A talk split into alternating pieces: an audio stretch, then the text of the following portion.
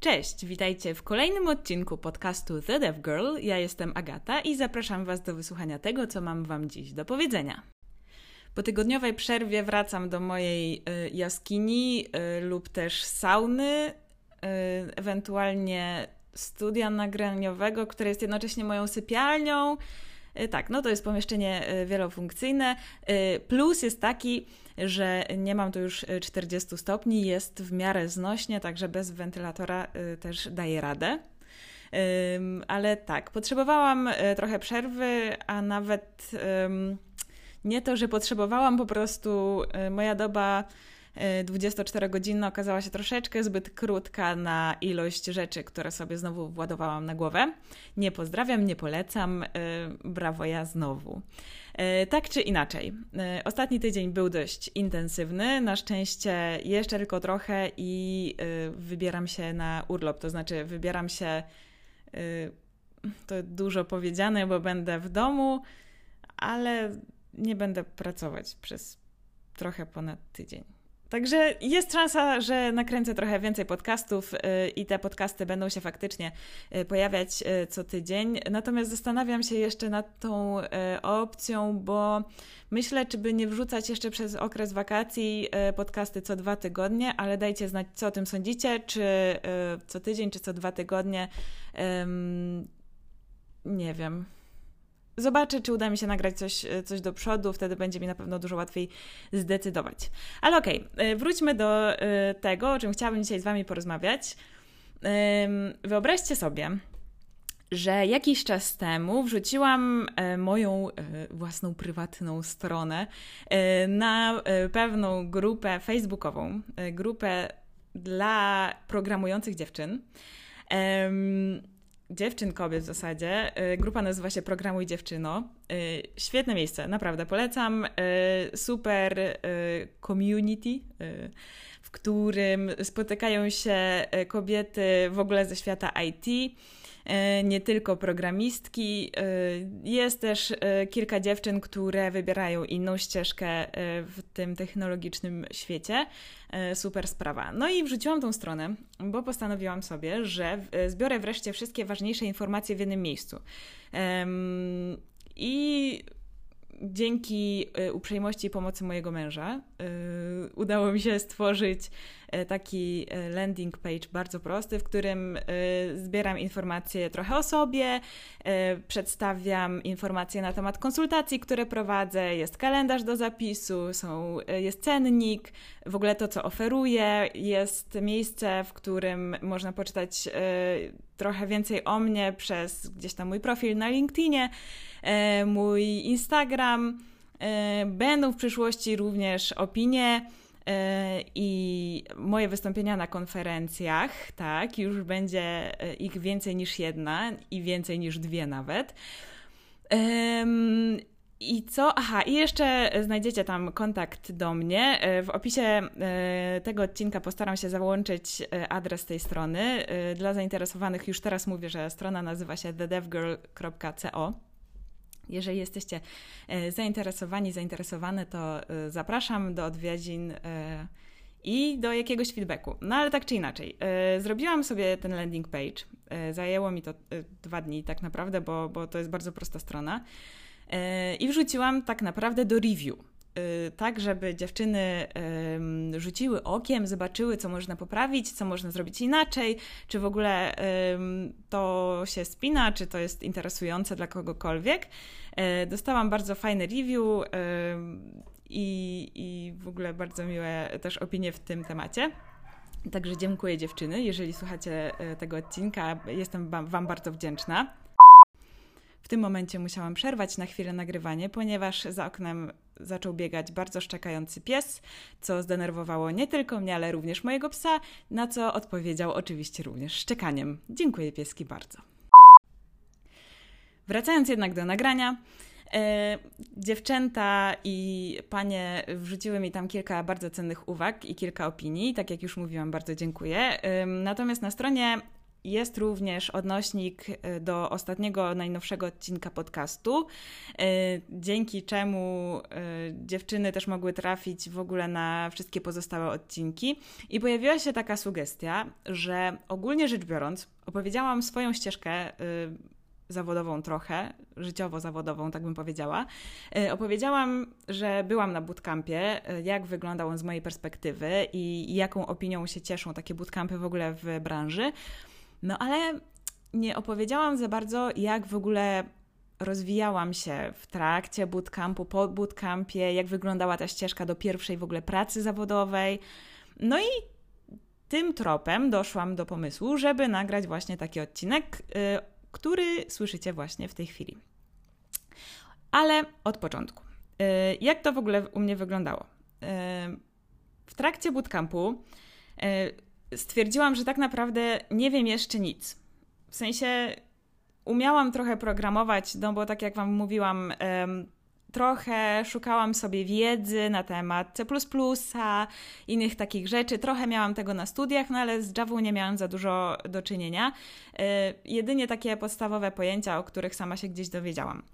E, w związku z czym uznałam, że skoro wiem, że nic nie wiem, bardzo to było mądre, e, postanawiam się w 100% poświęcić e, nauce na bootcampie.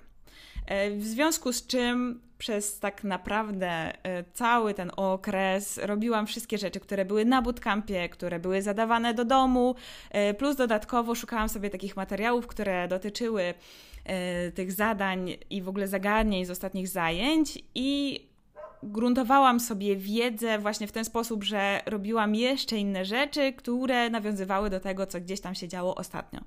To było mi na tyle potrzebne, że ja jestem taką osobą, która jeżeli nie wykorzystuje w praktyce wiedzy, o której się dowiaduje, to ta wiedza nie zostaje u mnie na zbyt długo, tak prawdę powiedziawszy. Bo jednym uchem wchodzi, drugim wychodzi, a jeżeli sama czytam, to w ogóle czasami w ogóle przeskakuje część rzeczy, ale to nie jest istotne.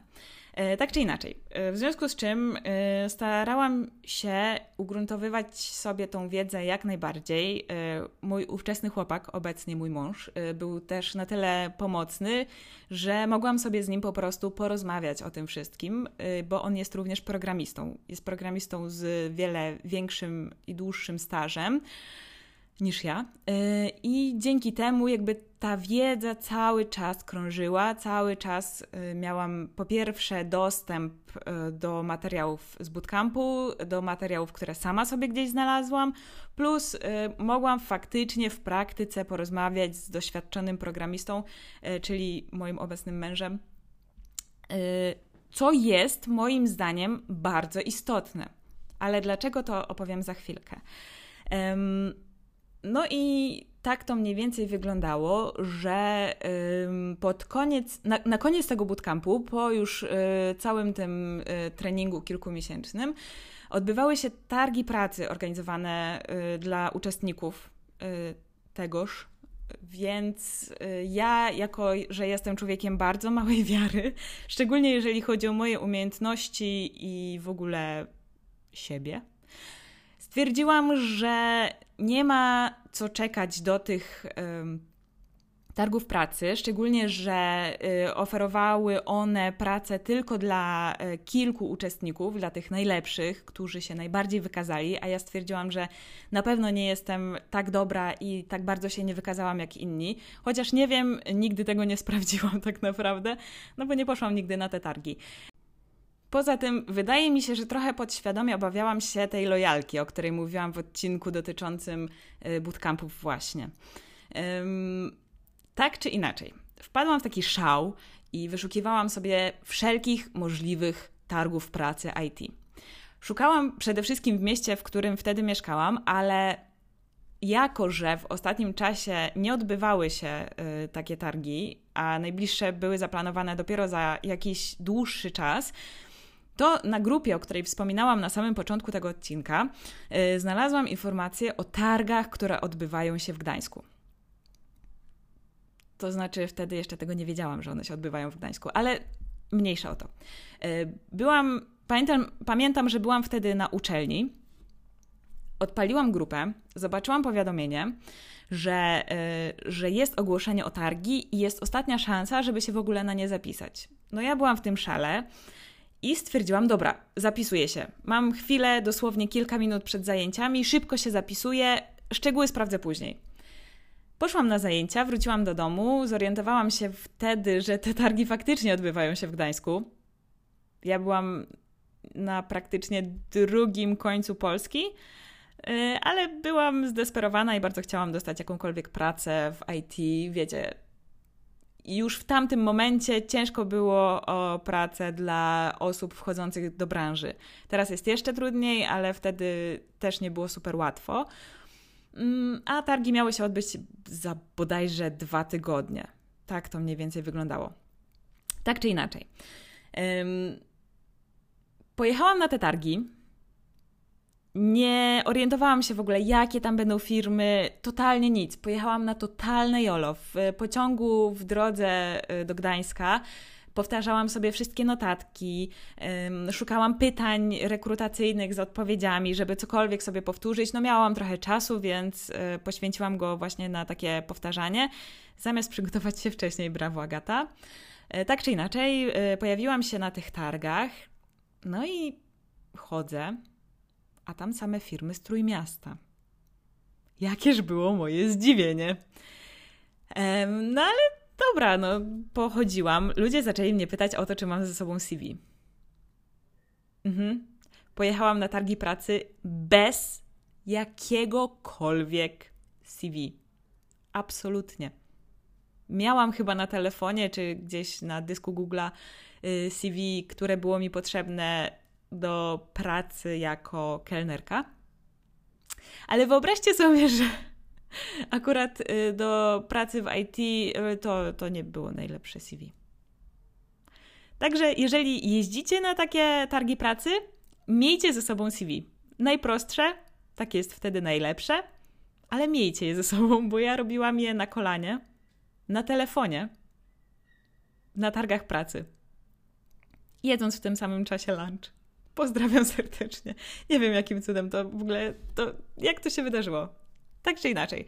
Chodziłam po tych targach i szczerze powiedziawszy, nie było totalnie nic, co by mnie zainteresowało. Totalnie nic. Y, a nawet jeżeli coś mnie interesowało, to wymagania były takie, żeby y, mieć przynajmniej rok czy dwa lata doświadczenia. Ja wtedy miałam doświadczenia zero, pora, poza y, kilkoma miesiącami na bootcampie. Po prostu. Yy, no i wychodząc już, totalnie przy wyjściu, zwróciłam uwagę na firmę, która wyglądała się całkiem, wydawała się całkiem w porządku. Yy, podeszłam do nich, mieli całkiem młodych ludzi na stoisku, więc uznałam, okej, okay, może to jest jakaś taka super młoda firma yy, z taką młodą kadrą, no bo wiecie, ja miałam wtedy ile? 21, 2 lata? Bałam się trochę wchodzić do, do firmy, w której są sami dużo starsi ode mnie ludzie, yy, ale może to był błąd wtedy? Nie wiem, ciężko mi określić w tej chwili. Yy, I co się okazało? Na stoisku stał między innymi yy, jeden z dyrektorów y, działu IT tamtej firmy. No i przeprowadził ze mną mini rozmowę rekrutacyjną, którą przeszłam wtedy. Poprosił mnie o wysłanie CV bezpośrednio do niego, bez żadnego proxy w postaci y, głównego maila rekru, rekrutacyjnego. Tak to się mówi. Boże, trudne słowo, przepraszam. Wysłałam mu tego maila z moim napisanym na kolanie CV. No i czekałam, czekałam, aż w końcu wróciłam oczywiście w międzyczasie do, do siebie. No i po jakimś czasie, też chyba po dwóch tygodniach, dostałam wiadomość, yy, dostałam telefon, nawet nie wiadomość, dostałam telefon z tamtej firmy. Zadzwoniła do mnie dziewczyna z HR-ów i mówi, że yy, tamten dyrektor był zainteresowany dalszą rozmową ze mną i chcieliby mnie zaprosić do siebie na rozmowę rekrutacyjną. Więc mądra Agatka y, zaczęła y, sprawdzać, co to za firma, bo oczywiście nie sprawdzałam tego wcześniej. Bo po co? Przecież i tak nikt się na pewno nie odezwie. Odezwali się, brawo. Okazało się, że jest to, uwaga, firma windykacyjna. Tak. Moja pierwsza praca, a w zasadzie staż, odbył się w dziale IT firmy windykacyjnej. Było, minęło. Ale pojechałam do Trójmiasta na tą rozmowę i była ona super stresująca. Serio, super stresująca. Szczególnie, że ja jestem osobą, która się stresuje absolutnie wszystkim. Absolutnie wszystkim. Um, ale powiem Wam, że tak jak wcześniej mówiłam, to, że mogłam rozmawiać z moim wtedy chłopakiem na temat tego, czego e, aktualnie uczę się na bootcampie, to był hit. To było tak cenne, że doceniłam to właśnie w tamtym momencie, dlatego że ja wiedziałam, jak mam mówić o danych rzeczach, jak mam przedstawiać swoją wiedzę, jak opowiadać o tym, co do tej pory zrobiłam. To jest mega ważne. Jeżeli tylko możecie, to przed rozmową rekrutacyjną postarajcie się z kimś porozmawiać o tym, co wiecie. Y, postarajcie się, żeby ktoś, kto zna się na rzeczy, podpytał Was y, i przeprowadził z Wami taką próbną rozmowę rekrutacyjną. To jest warte po prostu więcej niż złoto. Naprawdę, to jest wspaniała rzecz, dlatego że niestety, ale ani na bootcampie, ani na studiach nikt z Wami takiej próbnej rozmowy nie przeprowadzi, a później wy musicie, no brzydko to brzmi, ale musicie się sprzedać na takiej rozmowie rekrutacyjnej. I na moich konsultacjach e, prowadzę między innymi takie próbne rozmowy rekrutacyjne, właśnie po to, żeby moje klientki i klienci nie byli zaskoczeni formą Y, która jest później prezentowana właśnie na takich rozmowach, nie byli zaskoczeni pytaniami, jakie mogą dostać, bo pytania techniczne, takie wiecie, stricte, y, co to jest string albo czym jest obiekt, to jest jedno, ale drugie to jest to, żebyście wy byli w stanie opowiedzieć po pierwsze o swoich projektach, o tym, co na przykład robiliście na bootcampie, a co jest mega istotne, E, co może się przydać na przykład właśnie w pracy, do której aplikujecie. I taka swobodna komunikacja, tak jak zresztą mówiłam w odcinku na temat komunikacji, jest bezcenna. Serio, w pracy programisty jest super ważna i jeżeli widać, że po pierwsze wiecie o czym mówicie i wiecie dlaczego o tym mówicie, mm, to jakby daje Wam już sporą przewagę. Także warto zwrócić na to uwagę, przygotowując się właśnie do rozmowy rekrutacyjnej. No. Wracając. Po tej rozmowie, czyli mojej pierwszej prawdziwej, dużej rozmowie rekrutacyjnej, wróciłam znowu do siebie. Jeździłam wtedy strasznie dużo w tą i z powrotem, ale mega mi na tym zależało. E, po jakimś czasie dostałam informację, że tak, dostałam się na staż i zapraszają mnie do siebie od listopada i to było chyba trzy tygodnie wcześniej. Coś koło tego. Jakoś strasznie mało czasu, tak naprawdę, żeby przenieść całe swoje życie z jednego końca świata na drugi. No, polski, no ale wiadomo o co chodzi. I pojechaliśmy. To było szalone. I to nie było najlepsze miejsce, w jakim mogłam być nie czułam się tam najlepiej. Trójmiasto też wtedy nie, nie było dla mnie ani dla mojego obecnie męża jakimś super miejscem. Nie nazwałabym tego domem. Było ciężko, w ogóle trudny okres. Ale jednak spędziłam tam y, ponad pół roku. No i wiecie, pierwsza praca, ja przerażona. Nie wiem czego się spodziewać wchodzę do ogromnego, ogromnego projektu i pierwszy raz pracuję z technologiami, o których nie miałam pojęcia. Serio. Pracowałam na jakichś starych technologiach w nowym ujęciu i nawet nie wiedziałam, czym się różni nowe ujęcie od starego ujęcia, bo na bootcampie tego nie było. Na szczęście nikt nie oczekiwał ode mnie jakby takiej specjalistycznej wiedzy w tym, co tam się dzieje, dlatego że to, co też jest mega istotne na takich rozmowach, byłam szczera. Ja powiedziałam, że ja nie wiem nic na ten temat. Mm, wiem na temat Springa, ale taki, wiecie, EJB to, to nie jest mój świat. W sensie ja się tego nauczę, ok, dajcie mi czas, ale na tamten moment totalnie nie. Totalnie nic na ten temat nie wiedziałam.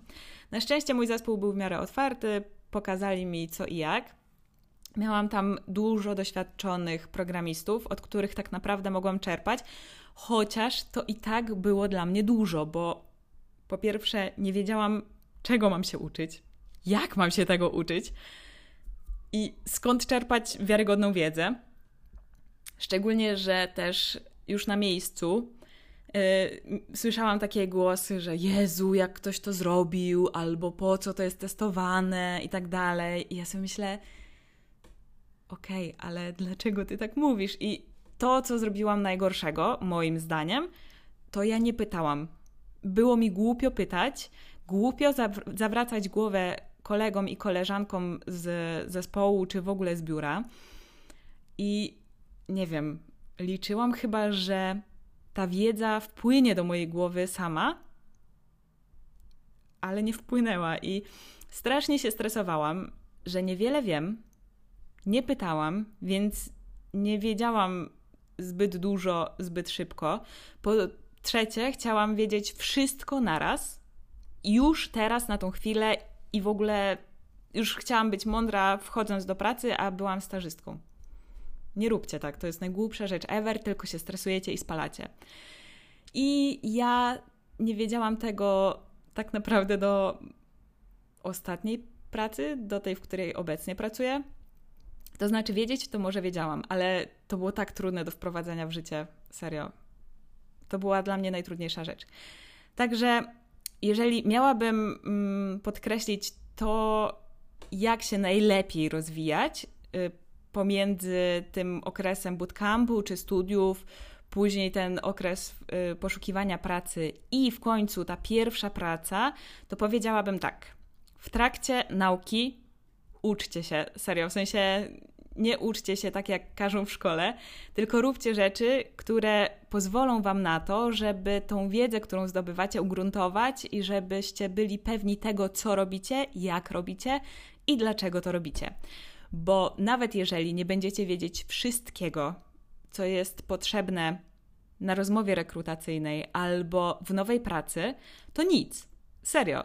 Jeżeli pokażecie, że to, czego się do tej pory nauczyliście, jest ugruntowane i wiecie, o czym mówicie, to już jest naprawdę wiele, bo to oznacza, że po pierwsze, jesteście w stanie się nauczyć czegoś nowego, a po drugie, jeżeli jesteście w stanie się tego nauczyć i wiecie, o czym mówicie, to znaczy, że jesteście się w stanie tego nauczyć porządnie i solidnie.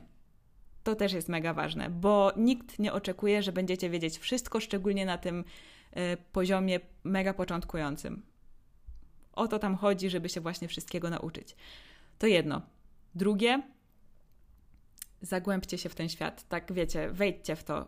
Znajdźcie ludzi, z którymi możecie o tym porozmawiać. Są meetupy, są spotkania yy, takie dla programistycznych freaków. Obecnie one są głównie w online świecie, natomiast zdarza się teraz, z tego co wiem, y, część z nich wraca do offline'u, więc zainteresujcie się, poszukajcie, a może nawet lepiej, że jest w online, bo będzie Wam łatwiej uczestniczyć w większej ilości takich spotkań w różnych miastach.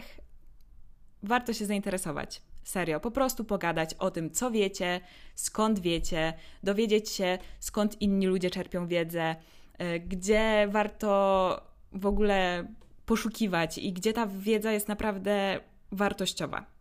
To taka druga rzecz. Jeżeli jesteście na studiach, to są koła naukowe. I ja bardzo długo też trochę się wzbraniałam przed takimi kołami naukowymi, bo po pierwsze nie wiedziałam czego się spodziewać. Po drugie, yy, bałam się, że jest jak w amerykańskich filmach i w kołach uczestniczą tylko specyficzni ludzie. Fun fact, sama jestem specyficzna, więc nie wiem, czego się spodziewałam i czego się obawiałam, ale warto. Idźcie tam, tam dowiecie się też y, dużo na temat tego, czego możecie się spodziewać w pracy. Dlatego, że bardzo często koła prowadzą albo współprowadzą y, studenci, którzy już pracują i mogą Wam przekazać znowu wiedzę już taką totalnie praktyczną. Więc jeżeli jesteście na studiach, korzystajcie z tego, co tam macie, serio. Ja wiem, wykłady potrafią być totalnie nudne, oderwane od rzeczywistości, ćwiczenia, laboratoria tak samo, ale koła naukowe są mega wartościowe i mogą się przydać później w przyszłości. Serio. Gdybym była na studiach pierwszego stopnia na informatyce, totalnie bym tam szła. Serio. Tak. I co dalej? Mm, tak jak już mówiłam, rozmawiajcie, uczestniczcie w takich różnych wydarzeniach, chodźcie na konferencje. Teraz znowu większość z nich jest online, ale to też nie jest problem, dlatego że w tej chwili y, dzieje się coś, co moim zdaniem jest super ekstra, czyli takie spotkania jeden na jeden z przedstawicielami danej firmy. Sama y, byłam na takiej konferencji jako przedstawiciel mojej firmy, w której obecnie pracuję, i na takim spotkaniu macie bodajże 15. Podejrzewam, że to zależy też od, od, konferencji, od specyfikacji tego spotkania. Natomiast u mnie to było chyba 15 minut, jeden na jeden. Jakby, wiecie, z osobą z tej firmy możecie ją zapytać o wszystko, o to, czego spodziewać się w firmie, w czym pracujecie, jak pracujecie, jak mniej więcej wyglądają rozmowy rekrutacyjne, bo w różnych firmach to wygląda różnie. Ja na przykład, y, ubiegając się do pracy, o pracę w zasadzie y, obecną, miałam chyba czteroetapową rozmowę. Tak mi się wydaje. Miałam y, etap taki totalnie techniczny, wiecie, przepytywanie o takie totalnie programistyczne rzeczy. Później mm, miałam etap archoalgeo, y, czyli dostałam mm, problem, który musiałam tak powiedzmy na papierze rozwiązać, to znaczy powiedzieć, z czego bym skorzystała, dlaczego i tak dalej. Więc to też sprawdzało gdzieś moje doświadczenie. I chyba był jeszcze, aha, jeszcze na początku dostałam zadanie do rozwiązania, y, taki pro, problem programistyczny, w zasadzie coś do zaprojektowania. Później dostałam code review do tego mojego rozwiązania, miałam na nie odpowiedzieć. E, I ostatnim etapem było to, że rozmawiałam z team liderem i z HR-em w tej firmie. Tak, to było takie ostateczne sprawdzenie, czy w ogóle się nadaje do, do firmy.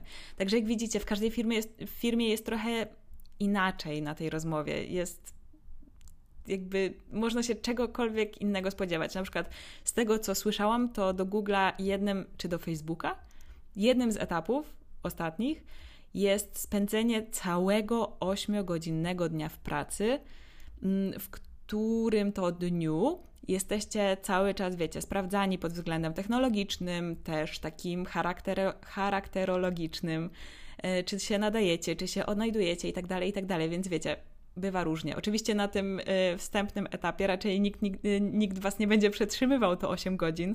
Raczej to tak nie wygląda. Raczej jest sprawdzane, co w ogóle wiecie, co wynieśliście z tego etapu nauki. Więc o to się nie obawiajcie. Natomiast na tych późniejszych etapach bywa różnie. Y, i na to też trzeba być przygotowanym. Mimo wielkiego stresu trzeba się nauczyć mm, spokojnie odnajdować tym zagmatwanym świecie. Ja na przykład na ostatnim etapie y, rozmowy rekrutacyjnej do mojej obecnej pracy, po zapytaniu y, przez rekruterów, jak uważam, że mi poszło, powiedziałam, że wydaje mi się, że okej, okay, bo nie popłakałam się na koniec rozmowy i wiecie, to przylgnęło do mnie na jakiś czas po rozmowie, jak już dostałam się do tej pracy, ale byłam szczera i to też Wam e, polecam. Bądźcie szczerzy na tych rozmowach. Wiecie, na rozmowach rekrutacyjnych w świecie IT ciężko jest ukryć, yy, że czegoś nie wiecie. I jeżeli coś wiecie, to o tym powiecie, a przynajmniej postaracie się o tym opowiedzieć. Pamiętajcie, w tym świecie nie chodzi o to, żeby recytować regułki, które ktoś wam kiedyś przedstawił albo znaleźliście w internecie. Tutaj macie przedstawić, że wiecie o co chodzi i rozumiecie, w związku z czym mówicie to, jak wy to rozumiecie. Poza tym, no nie ściemnicie, że umiecie więcej. Serio, w sensie te rozmowy są tak skonstruowane i ten świat jest tak specyficzny, że ciężko tutaj coś ukryć, przyciemnić i troszkę tak podkoloryzować Wasze doświadczenie i wiedzę. Także, y, tak jak mówiłam, korzystajcie z tego świata y, programistycznego, jeżeli chcecie się rozwijać. On jest naprawdę potężny, jeżeli chodzi o źródła wiedzy, zarówno o programistów, różne community, jeżeli chodzi o community danego języka programowania, czy na przykład y, UX-owe community, czy project managerowe community. Wszystko znajdziecie w internecie. Jest pełno grup na Facebooku, tak jak mówiłam. Mamy Reddita, na Reddicie też jest pełno subredditów dotyczących konkretnych zagadnień. Jeżeli mówicie po angielsku, rozumiecie po angielsku, to tam naprawdę znajdziecie dużo wiedzy. Poza tym YouTube. YouTube to jest kopalnia wiedzy. I wiele y, świetnych programistów po prostu nagrywa na YouTube'a informacje, w sensie lekcje, y, zarówno w temacie danego języka programowania, czy takie przygotowujące właśnie do, do rozmowy rekrutacyjnej. E, co mi jeszcze przychodzi do głowy? Na pewno. E, na pewno takie konsultacje jeden na jeden. Ja na przykład prowadzę takie konsultacje i one są o tyle fajne, tak mi się wydaje, i to jest coś, czego mi zabrakło przed taką rozmową rekruta rekrutacyjną pierwszą, bo jesteście w stanie zebrać sobie w trakcie takich konsultacji, co faktycznie wiecie i czego nie wiecie, a co by się Wam przydało na przykład. Po drugie, oczywiście możecie. Um, możecie mieć przeprowadzoną taką próbną rozmowę rekrutacyjną. Po trzecie, mm, z takim człowiekiem, mm, z takim mentorem, e, możecie przejść na przykład wasze projekty, które robiliście w trakcie bootcampów albo które zrobiliście po bootcampach i przejść, zrobić takie live code review. Możecie posłuchać o dobrych praktykach programowania i wtedy wchodząc już do konkretnego projektu w nowej firmie, wiecie, co jest ok, a co nie jest ok, coś, czego mi zabrakło na początku. I zabrało mi trochę tej pewności. Także szukajcie, zapraszam również do siebie. To taka e, mała, małe lokowanie e, produktu. Mm, tak. No, poza tym, y, jakbym chciała jeszcze powiedzieć, co jest istotne i co warto robić, żeby się właśnie rozwijać w tym programowaniu na przykład. Mogę mówić o programowaniu, bo sama jestem programistką, ciężko mi powiedzieć w innych dziedzinach technologicznych. Y, to robienie takich, wiecie, małych side projektów. Co to, co dokładnie mam na myśli, co to oznacza? Oznacza to w moim rozumieniu takich projektów, które wypełniają lukę w jakiś sposób w waszym życiu. I tu znowu powiedziałam trochę enigmatycznie, a mam dokładnie na myśli to, że na przykład potrzebujecie to-do listy. Ja wiem, jest wiele aplikacji, które są to-do listami, ale powiedzmy, Y, jest aplikacja, która ma mnóstwo funkcji, a wy ich wszystkich nie potrzebujecie. I możecie sobie zrobić y, sami aplikację, która spełnia tylko wasze wymagania. I to już jest dużo, bo wiecie, projekt, w który wierzy chociaż jedna osoba, na przykład wy, to już jest bardzo wartościowy projekt i warto o tym pamiętać. I dzięki takim małym projektom, które zrobicie w języku, którego się uczycie na przykład, możecie odkryć po pierwsze, y, nowe zagadnienia w tym języku. Y, po drugie, możecie zobaczyć, jak inni rozwiązują podobne problemy, bo Stack Overflow, czyli Biblia programistów, mam takie wrażenie, i kopalnia wiedzy również, y, na pewno ma rozwiązanie na Wasze problemy. I tak, i możecie spróbować wykorzystać rzeczy, o których słyszeliście, słyszałyście, ale nie mieliście okazji z nich skorzystać albo ich spróbować. Dlatego też zastanówcie się, czy nie potrzebujecie czegoś, albo czy ktoś z waszego bliskiego otoczenia nie mówił wam ostatnio, że fajnie by było, gdyby była taka apka, która. I wtedy wchodzicie wy celi na biało i mówicie: daj mi trochę i zrobię ci taką aplikację. Nawet prostą, wiecie, jeżeli uczycie się takich typowo backendowych języków programowania, to to, to już jest i tak dużo. Możecie zrobić backend do takiej aplikacji. A może zgadajcie się na grupie facebookowej z kimś, y, z kim zrobicie taką aplikację i ktoś zrobi wam do niej frontend. I wiecie, i możecie ją już pokazywać, możecie o niej opowiadać. Już na rozmowie rekrutacyjnej też macie wstęp i w ogóle temat do rozmowy z rekruterem. On też jest zainteresowany tym, czym się interesujecie, co robicie. Więc no tak, to, to zdecydowanie moim zdaniem jest y, coś fajnego do rozwoju. No i właśnie macie możliwość do ugruntowania sobie wiedzy, o której się uczycie, czy na bootcampach, czy na studiach.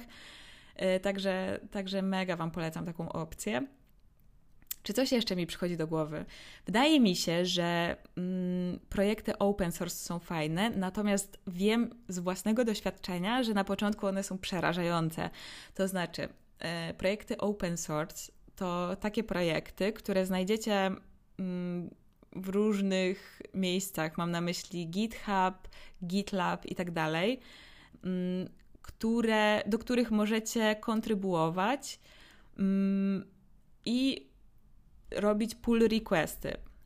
I teraz to jest fajne, bo możecie wejść tak naprawdę w mm, trochę taki projekt, jakbyście wchodzili już w pracy zawodowej. To znaczy, wiecie, wchodząc y, do branży i wchodząc do jakiejkolwiek firmy, nie jest tak, że dostajecie pustą kartkę, którą teraz zapisujecie i tworzycie jakiś nowy projekt. Przeważnie jest tak, że dostajecie gotowy projekt, w którym musicie się odnaleźć, musicie zrozumieć, co tam się dzieje, dlaczego tak się dzieje mm, i zrobić zadanie, które dostaliście do zrobienia. I to jest czasami mega trudne, szczególnie jeżeli wcześniej na bootcampach i na studiach robi się wszystko od początku. E, takie open source są fajne, bo możecie sobie przejrzeć taki projekt. Wiecie, to nie musi być duży projekt od początku, to może być super, super coś małego, co oglądacie, przeglądacie, zapoznajecie się z kodem, sprawdzacie, co jest jak zrobione i dlaczego. I wtedy możecie zasugerować jakąś zmianę albo jakiś nowy feature i zrobić e, pull requesta z tym featurem. I wtedy autor e, danego repozytorium może Wam zrobić code review, co też jest fajne e, i też jest takim, taką wprawką w życie zawodowe i, i w pracę taką już wiecie, prawdziwą na pełen etat. I Wasz kod może wejść lub nie wejść. Są też y, open source'y, które są rzadko odwiedzane przez autorów, w związku z czym y, bywa często tak, że y, tych pull requestów wisi wiele, ale one nie są rozpatrywane od dłuższego czasu, bo no niestety, ale ktoś na przykład już nie ma czasu na rozwijanie tego open source'a, albo po prostu stwierdza, że to już jest skończone i porzuca taki projekt w kontekście dalszego rozwoju, szczególnie przez y, rozwoju przez y, społeczność. Zdarza się, ale warto tak czy inaczej. Albo też warto przejrzeć te pull requesty, które wiszą. Może zobaczycie coś interesującego, a może zobaczycie coś, co uważacie, że jest w ogóle słabym rozwiązaniem. Fajnie jest się zapoznawać tak z kodem, fajnie, y, bo po prostu wchodzicie w ten taki prawdziwy, produkcyjny, firmowy świat warto, mega warto, ale wiem, że to jest przerażające. Ja sama też słyszałam o tym, że hu, hu, warto, bo możecie się rozwijać i w ogóle wtedy jesteście tacy pro i tak dalej. Ale ja się mega bałam. Po pierwsze, kim ja jestem, żeby robić pull requesty do czyjegoś kodu. Po drugie, nie miałam pojęcia, jak się odnaleźć w czyimś kodzie i jak go zrozumieć. Teraz to jest coś zupełnie innego, ale wiecie, ja już od kilku lat programuję tak komercyjnie, jak to się mówi. Mm, ale nawet jeżeli nie mielibyście robić pull requesta do czyjegoś kodu, to chociaż przejrzyjcie go, spróbujcie go zrozumieć, może pogadajcie z kimś, kto jest w branży właśnie na temat tego kodu, bo dzięki temu też nauczycie się, jak czytać czyjś kod i jak w ogóle zauważać pola do zmiany w czyimś kodzie. Także serio.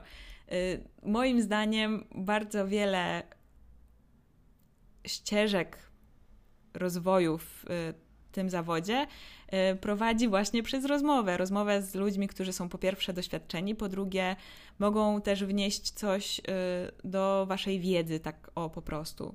Także zastanówcie się, może warto.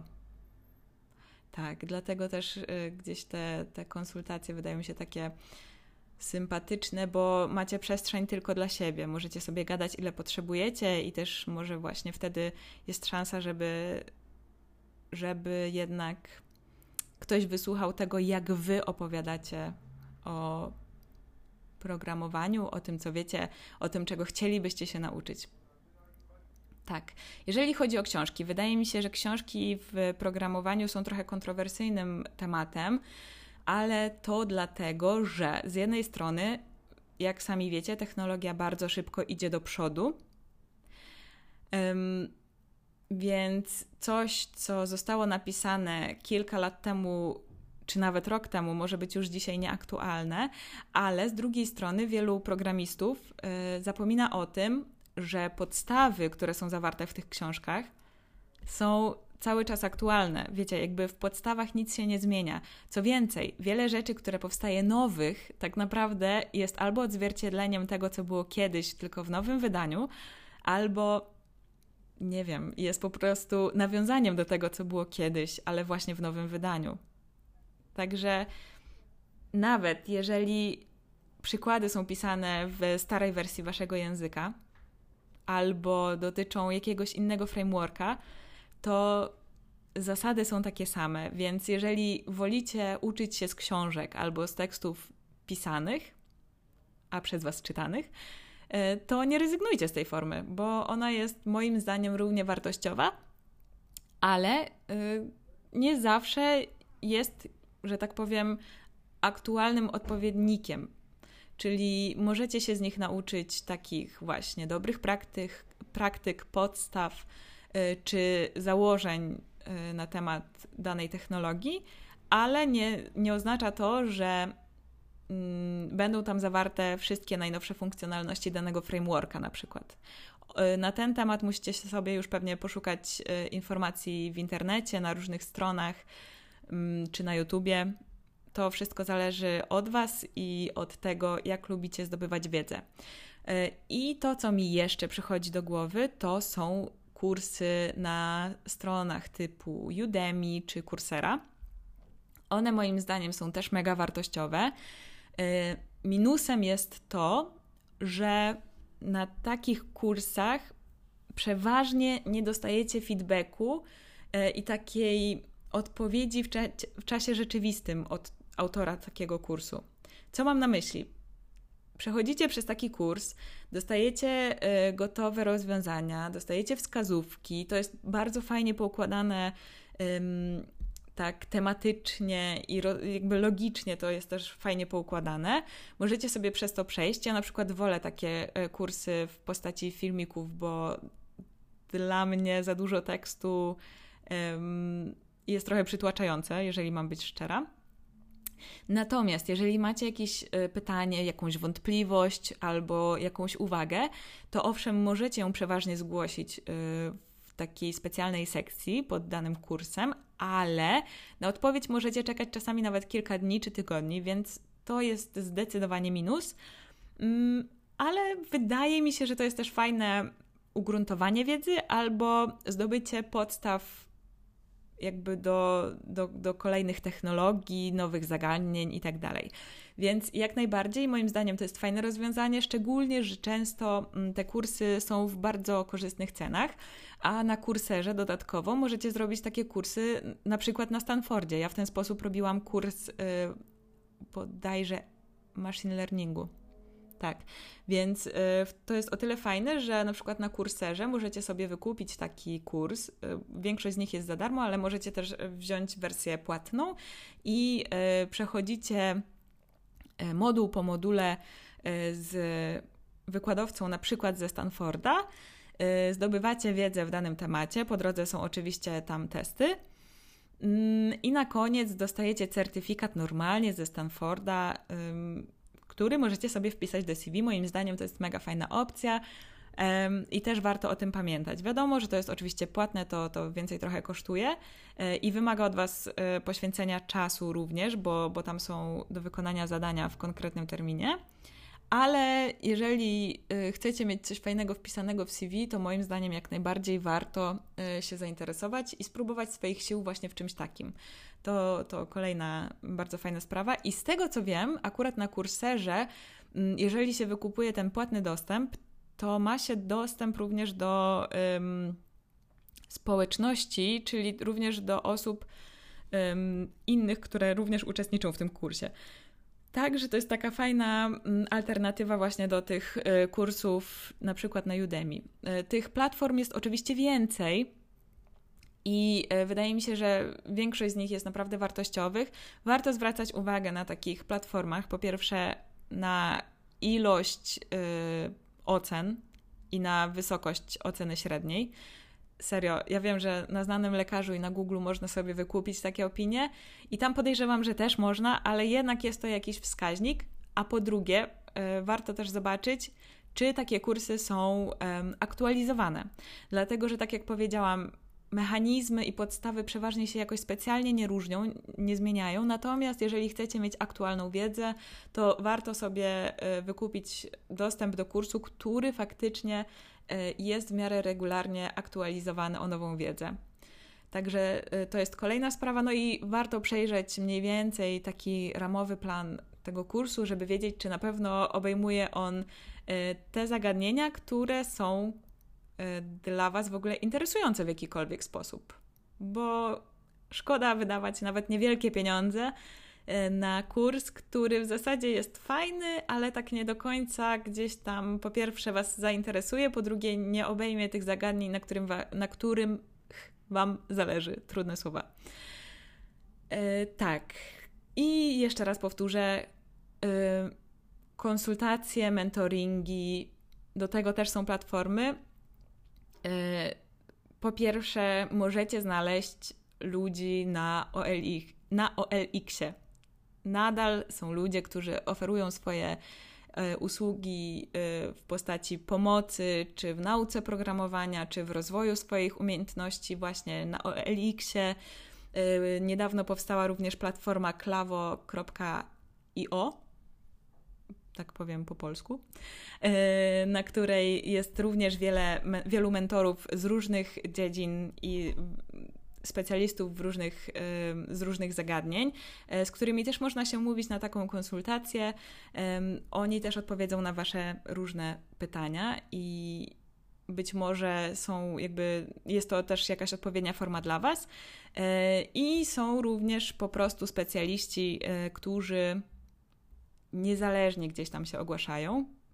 Ja jestem i na klawo, i, i jestem tym niezależnym e, człowiekiem, który się gdzieś ogłasza. bo poza tymi przygotowaniami do rozmów rekrutacyjnych, na takich konsultacjach też można poruszyć tematy, które gdzieś Was cały czas interesują.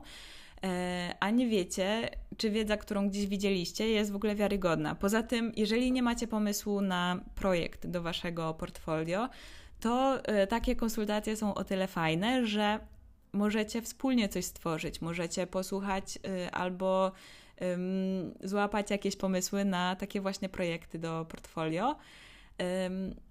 Albo na przykład może um, potrzebujecie dowiedzieć się czegoś na temat y, dobrych praktyk programowania, albo chcecie y, podyskutować na temat y, powiedzmy jakiejś dziedziny, w której specjalizuje się dany mentor podyskutować, posłuchać, dowiedzieć się, jak się rozwinąć w tej dziedzinie, może potrzebujecie wskazówki, w którą stronę pójść w ogóle ze swoim, mm, w swojej branży, ze swoim doświadczeniem, ze swoją wiedzą, i to jest też takie miejsce, gdzie wiecie, cała godzina jest przeznaczona dla Was i na Wasze potrzeby. Także może to jest coś dla Was. To też warto rozważyć. Tak, czy coś jeszcze mi przychodzi do głowy? To chyba wszystko, z czego ja gdzieś korzystałam i z czego nadal korzystam. Na przykład y, szukając wiedzy na temat Domain Driven Design, y, która była mi potrzebna do obecnej pracy, zajrzałam do książki, która powstała w 2003 roku. I o ile y, samo DDD cały czas gdzieś się rozwija, to wiecie, podstawy są nadal takie same, więc nie bójcie się tych, też tych książek. Czasami warto do nich zajrzeć, no chyba, że tak jak mówię, to nie jest coś dla Was. To, to, to wtedy zdecydowanie nie skorzystacie z nich. A, wiem, co mi jeszcze przyszło do głowy. Yy, są takie strony jak na przykład Medium, i tam również wypowiadają się specjaliści z danych dziedzin. Yy, bardzo wielu programistów, architektów yy, czy nie wiem, UX-ów też tam się wypowiada, przedstawia swoje spojrzenie w danej dziedzinie, a czasami przedstawia całkiem od początku, od podstaw e, dane zagadnienie, dany problem, dane rozwiązanie problemu. Także to też jest mega wartościowe. Często są też rysunki, co jest dla mnie istotne, dlatego że ja lubię rysunki we wszystkich dokumentacjach czy w danych rozwiązaniach problemów. Także, także tak, warto też tam zajrzeć. Y, z tego co wiem, do niektórych artykułów dostęp jest płatny. Y, natomiast jest też y, kilka artykułów mega wartościowych, do których tego dostępu nie trzeba wykupować, a naprawdę można się czegoś dowiedzieć i dowiedzieć się czegoś w praktyce, co moim zdaniem jest mega istotne. Tak, to chyba tyle. Jeżeli macie jeszcze jakieś pomysły y, dotyczące źródeł wiedzy i źródeł rozwoju, to jak najbardziej dawajcie mi znać. Piszcie do mnie zarówno na maila agata.the.dev.gmail.com e, Piszcie mm, również na, mojego, na moim Instagramie w wiadomościach prywatnych. E, mój Instagram to agata.thedev. E, I zachęcam Was do po pierwsze podzielenia się tym odcinkiem z osobami, których może on dotyczyć, które szukają gdzieś e, wiedzy, e, szukają możliwości rozwoju i łapania doświadczenia. Ale też zapraszam Was do odwiedzenia mojej strony internetowej, która już od jakiegoś czasu jest w internecie, można ją znaleźć. Strona thedevgirl.co. Oczywiście e, wszelkie linki mm, zawrę w opisie tego odcinka. Tak, i z tą myślą Was zostawiam. Zapraszam Was również do odsłuchania poprzednich odcinków oraz do odsłuchania odcinka, który mam nadzieję, że pojawi się za tydzień.